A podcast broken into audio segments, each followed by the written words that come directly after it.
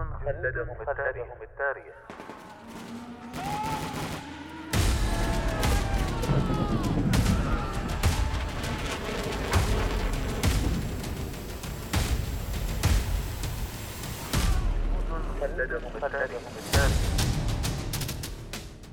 كم يفخر التاريخ العسكري برجال كتبوا سيرهم في سجلاته بحروف من الجهد والتضحية والعطاء. فبقت أسماؤهم خالدة باقية مثالا لمعنى الجندية التي دبت خطواتها كل شبر من أرض الوطن. جنود خلدهم التاريخ. برنامج أسبوعي نتعرف من خلاله على الجنود الذين ضحوا بحياتهم من أجل أوطانهم. يعده الدكتور هلال بن سعيد الحجري. ويقدمه المقدم الركن. محمد بن سعيد المشيخي.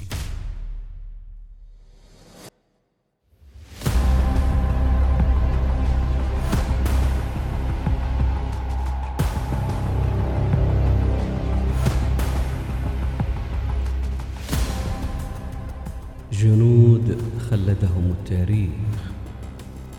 دوجلاس برينت هيكل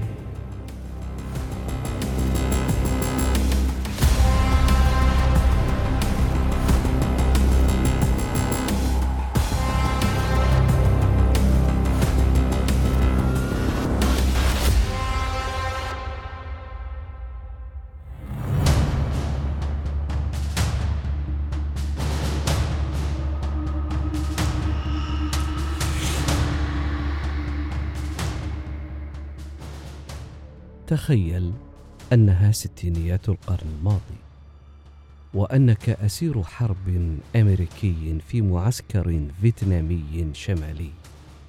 لذا لديك خياران.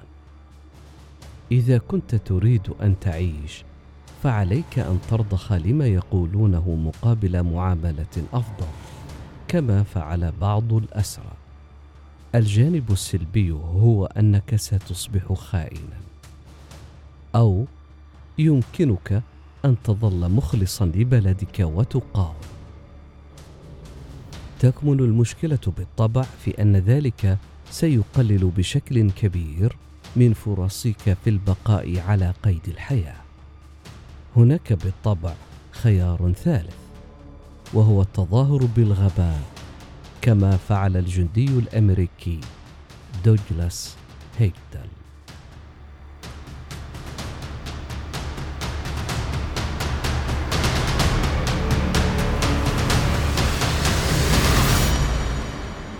ولد دوجلاس هيجدال في الثالث من سبتمبر من عام 1946 وتخرج من مدرسة كلارك الثانوية في مدينة كلارك بولاية ساوث داكوتا في الرابع والعشرين من شهر مايو من عام 1966 كانت الحرب الباردة قائمة. وكانت أمريكا تعتقد أنها إذا سمحت لفيتنام الجنوبيه بالتحول إلى الشيوعية فإن بقية آسيا ستحذو حذوها. لذلك في العاشر من شهر أغسطس من عام 1964 أصدر الكونجرس قرار خليج تونكن الذي سمح بتصعيد التدخل العسكري الأمريكي. في جميع أنحاء جنوب شرق آسيا. ولهذا السبب أطلقوا في الثاني من مارس من عام 1965 عملية الرعد القاصف. القصف الجماعي الشامل لفيتنام الشمالية. بحلول الوقت الذي انتهى في الثاني من نوفمبر من عام 1968 فقدت أمريكا 18 ألف جندي وما بين 52 ألف إلى 182 ألف مدني. أخبار سيئة لهجدة. لأنه في السادس من أبريل من عام 1967 كان في خليج تونكن على متن البارجة كامبيرا التي كانت تطلق النار على أهداف على الشاطئ. في حوالي الساعة الثالثة والنصف صباحا استيقظ هيجدل على مناوبته في الرابعة صباحا. وعلى الرغم من الطقس القاسي وأمواج البحر العالية واشتعال النيران في المدافع صعد على سطح السفينة وقرر السباحة.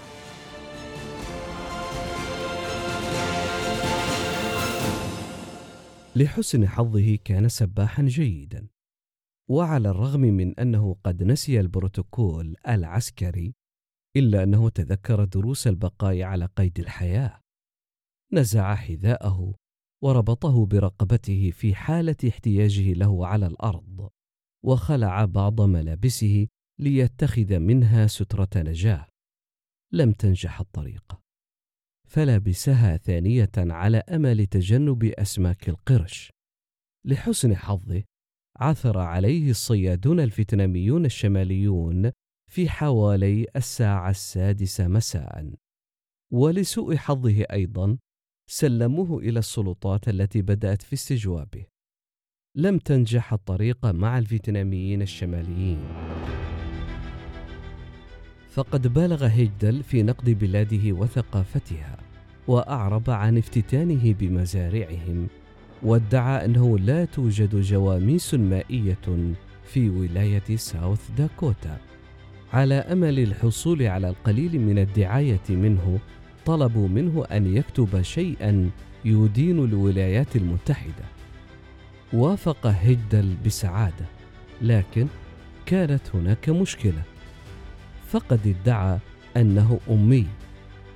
بعد أن وثقوا بمعرفته في الزراعة ونظرا لكون معظم المزارعين الفيتناميين أميين فقد صدقوه. لذلك أعفوه من عمل الدعاية ضد بلاده. لكن الأمل يتجدد إلى الأبد. لذلك استعانوا برفيق يتحدث الإنجليزية ليعلم الأمريكي القراءة والكتابة. لكن بعد فترة استسلم الرجل. ادعى أن هجدل لا رجاء منه وأعطاه اسما جديدا. الغبي المدهش. لذلك كتب اعترافا عن جرائم الحرب التي ارتكبها. وقع عليها في خربشة غير مقروءة وتأكد من أنهم اضافوا الضابط USS Canberra. تم احتجازه في المستعمرة وهو معسكر تابع لسجن هانوي هيلتون حيث تم الاحتفاظ بمعظم أسرى الحرب الأمريكيين. التقى هناك بجوكريكا ضابط سلاح الجو الذي كان خبيرا في وسائل تقوية الذاكرة.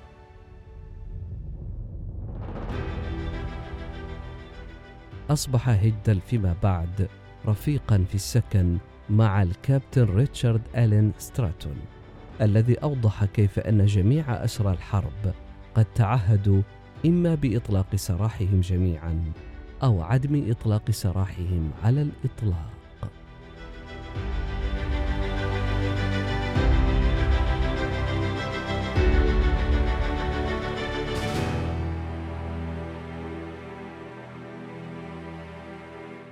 لم يستغرق ستراتون وقتا طويلا حتى أدرك أن رفيقه الجديد في السكن لم يكن المهرج الذي تظاهر به. مقتنعين بأنه كان غبيا ميؤوسا منه سمح الفيتناميون لهجدل بالتجول في المعسكر بحرية. وفي غفلة الحراس كان يضع الأوساخ في خزانات الغاز لتعطيل المركبات. كما أنه ادعى بأنه مهتم بالشيوعية وطلب منهم نظارات حتى يتمكن من القراءة عنها. لقد استخدمها جيدا من خلال حفظ مخطط المعسكر وربط النزلاء بمجمعات الزنزانات. كما أنه حفظ أسماء 256 أسير حرب وخدماتهم ورتبهم وأرقام الضمان الاجتماعي لهم وتفاصيل شخصية أخرى عنهم. لذلك عندما قررت فيتنام الشمالية إطلاق سراح بعض أسرى الحرب كبادرة حسن نية في الخامس من أغسطس من عام 1969 أمر ستراتون هيدل بالرحيل لكنه رفض حتى يتحرر جميع الأسرى. وفي فبراير من عام 1970 أجرت الولايات المتحدة مفاوضات سرية مع فيتنام الشمالية حول إمكانية إنهاء الحرب. كان هيجدل هناك واستخدم ذاكرته للضغط على الفيتناميين الشماليين للإفراج عن أسر الحرب.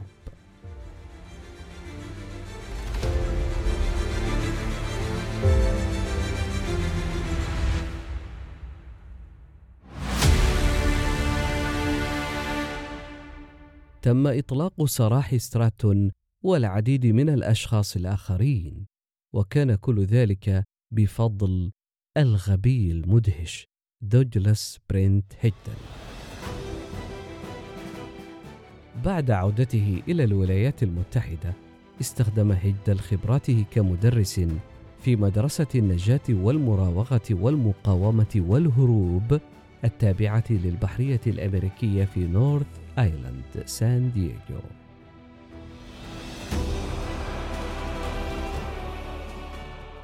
غادر البحرية الأمريكية كضابط صغير من الدرجة الثانية.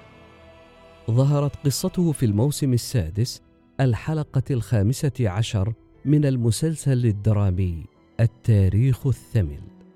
وهكذا أصبح هيدل من الجنود الذين خلدهم التاريخ.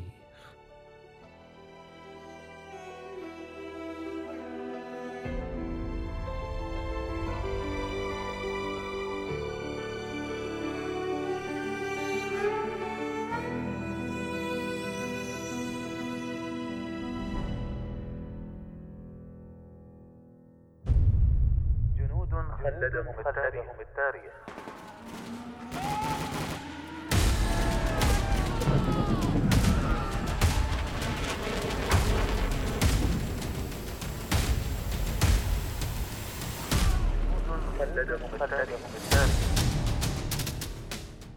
كم يفخر التاريخ العسكري برجال كتبوا سيرهم في سجلاته بحروف من الجهد والتضحية والعطاء فبقت أسماؤهم خالدة باقية مثالا لمعنى الجندية التي دبت خطواتها كل شبر من أرض الوطن. جنود خلدهم التاريخ. برنامج أسبوعي نتعرف من خلاله على الجنود الذين ضحوا بحياتهم من خلدهم التاريخ يعده الدكتور هلال بن سعيد الحجري. ويقدمه المقدم الركن محمد بن سعيد المشيخي.